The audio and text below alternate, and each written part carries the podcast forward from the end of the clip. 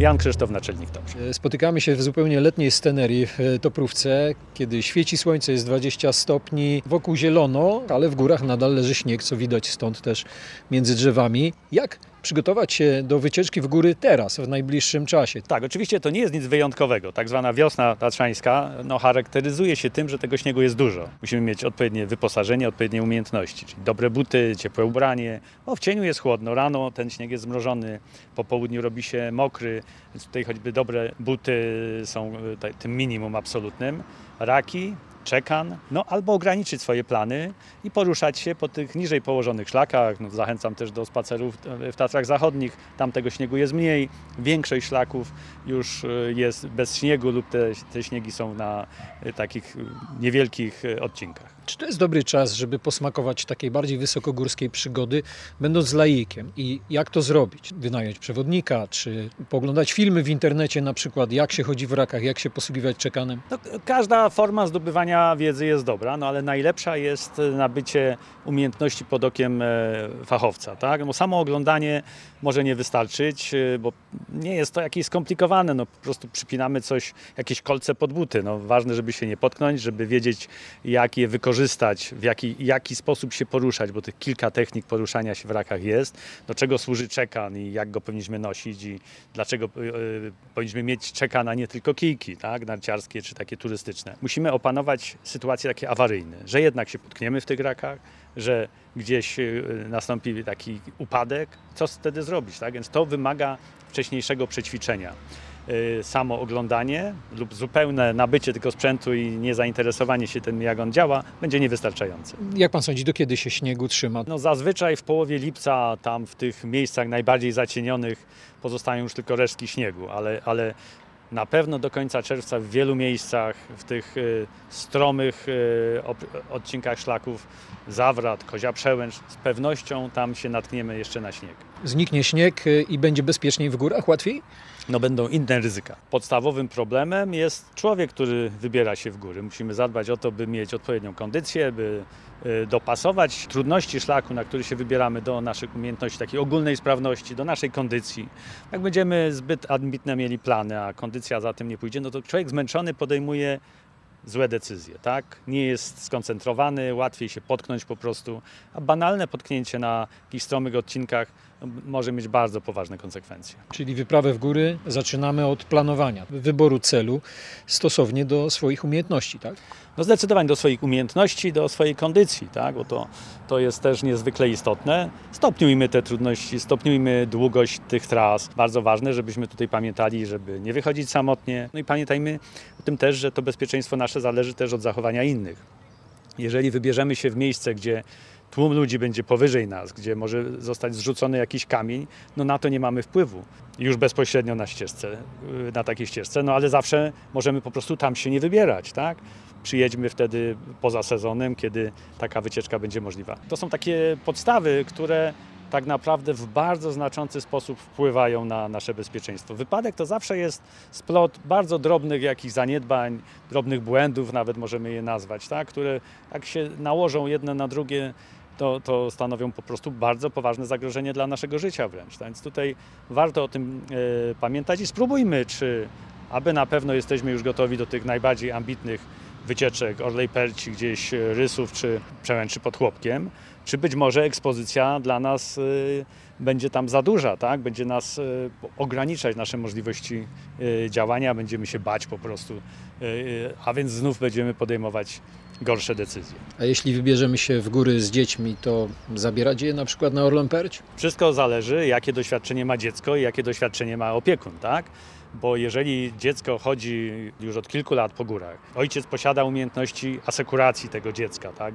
mają kask i adekwatnie do tych umiejętności kondycji wybierają trasy, można to robić. Ja nie jestem zwolennikiem, by zbyt wcześnie wprowadzać dzieci zbyt ryzykowne czy na zbyt długie trasy, bo w ten sposób bardzo skutecznie zniechęcimy dziecko do turystyki. To nie o to chodzi, tak? Stopniujmy te trudności. Ważne, żeby to dziecko chciało chodzić, tak? Żeby dziecku sprawiało to przyjemność. Zazwyczaj dzieci potrzebują e, częstszych e, odpoczynków. Musimy dbać o to, żeby uzupełniły napoje, żeby zjadły coś energetycznego, żeby ta wycieczka była przyjemna i też, żeby obserwować, czy aby nie należy już tej wycieczki zakończyć, nie należy zawrócić. Ważne, by robić to, co nam sprawia przyjemność, by nie przekroczyć tego swojego progu kompetencji i możliwości fizycznych. Mówiliśmy o tym, jak zaplanować wyprawę. Ważnym aspektem jest też prognoza pogody. Mamy teraz możliwości bardzo precyzyjnego ustalania, co nas może spotkać w górach. No tak, tu płynnie przejdziemy z zagrożenia lawinowego w zagrożenie burzowe. No tak, tak tu jest ten nasz klimat skonstruowany.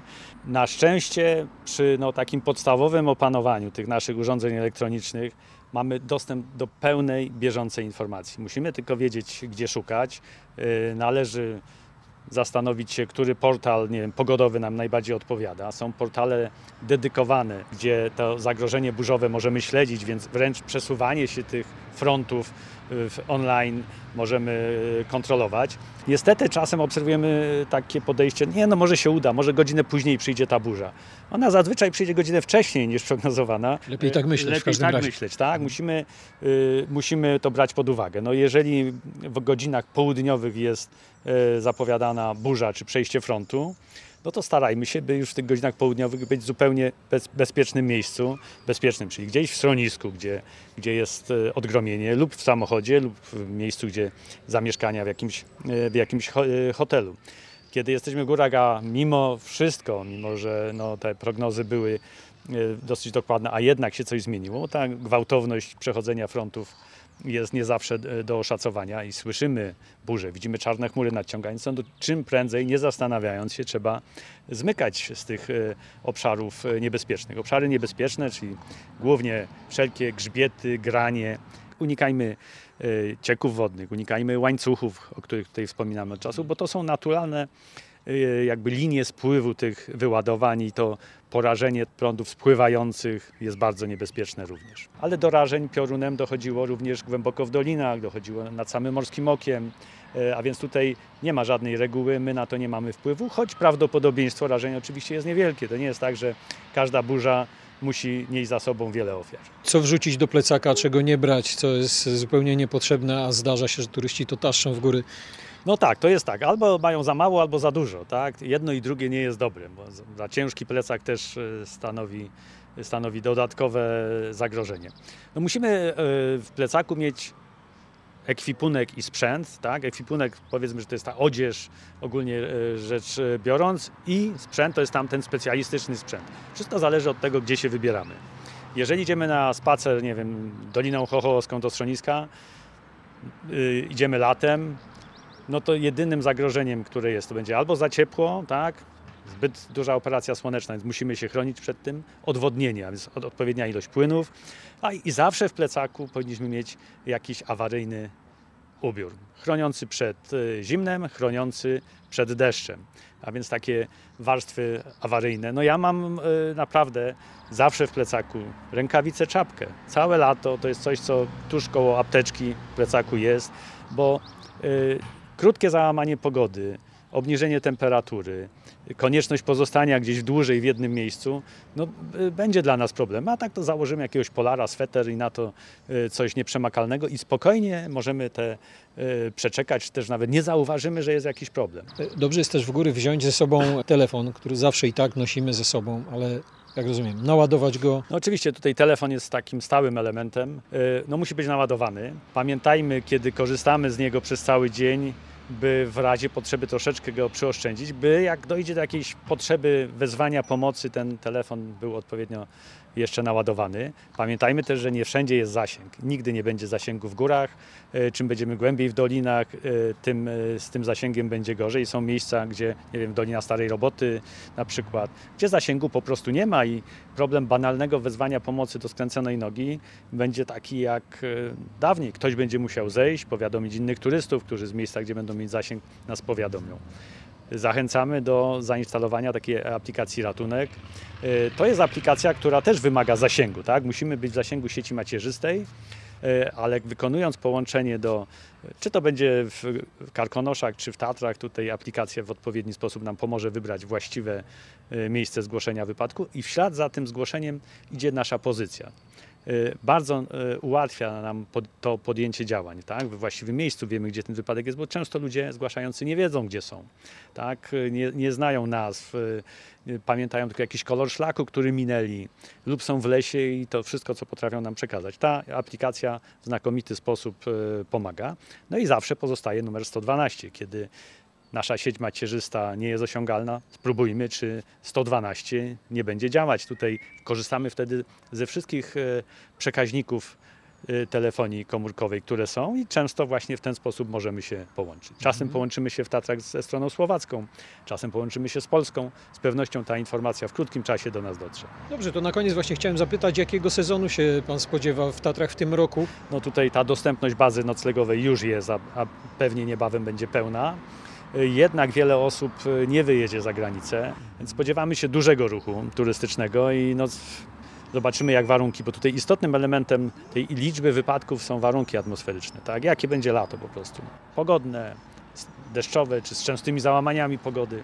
Tutaj żadnej reguły nie ma, czasem jest ruch ogromny i nie ma żadnego wypadku, a czasem jest parę osób w górach i dochodzi do bardzo poważnych kilku wypadków. I, yy, no, musimy odpowiednio do tego reagować. Dziękuję za rozmowę. Pozostaje życzyć tego, żeby jak najmniej było interwencji, konieczności pomocy ludziom w górach, żeby było bezpiecznie. Zachęcam do tego, by jeszcze raz, by dbać o to nasze bezpieczeństwo, o bezpieczeństwo innych, no by w pełni zdrowia i wypoczętym wrócić do miejsca zamieszkania.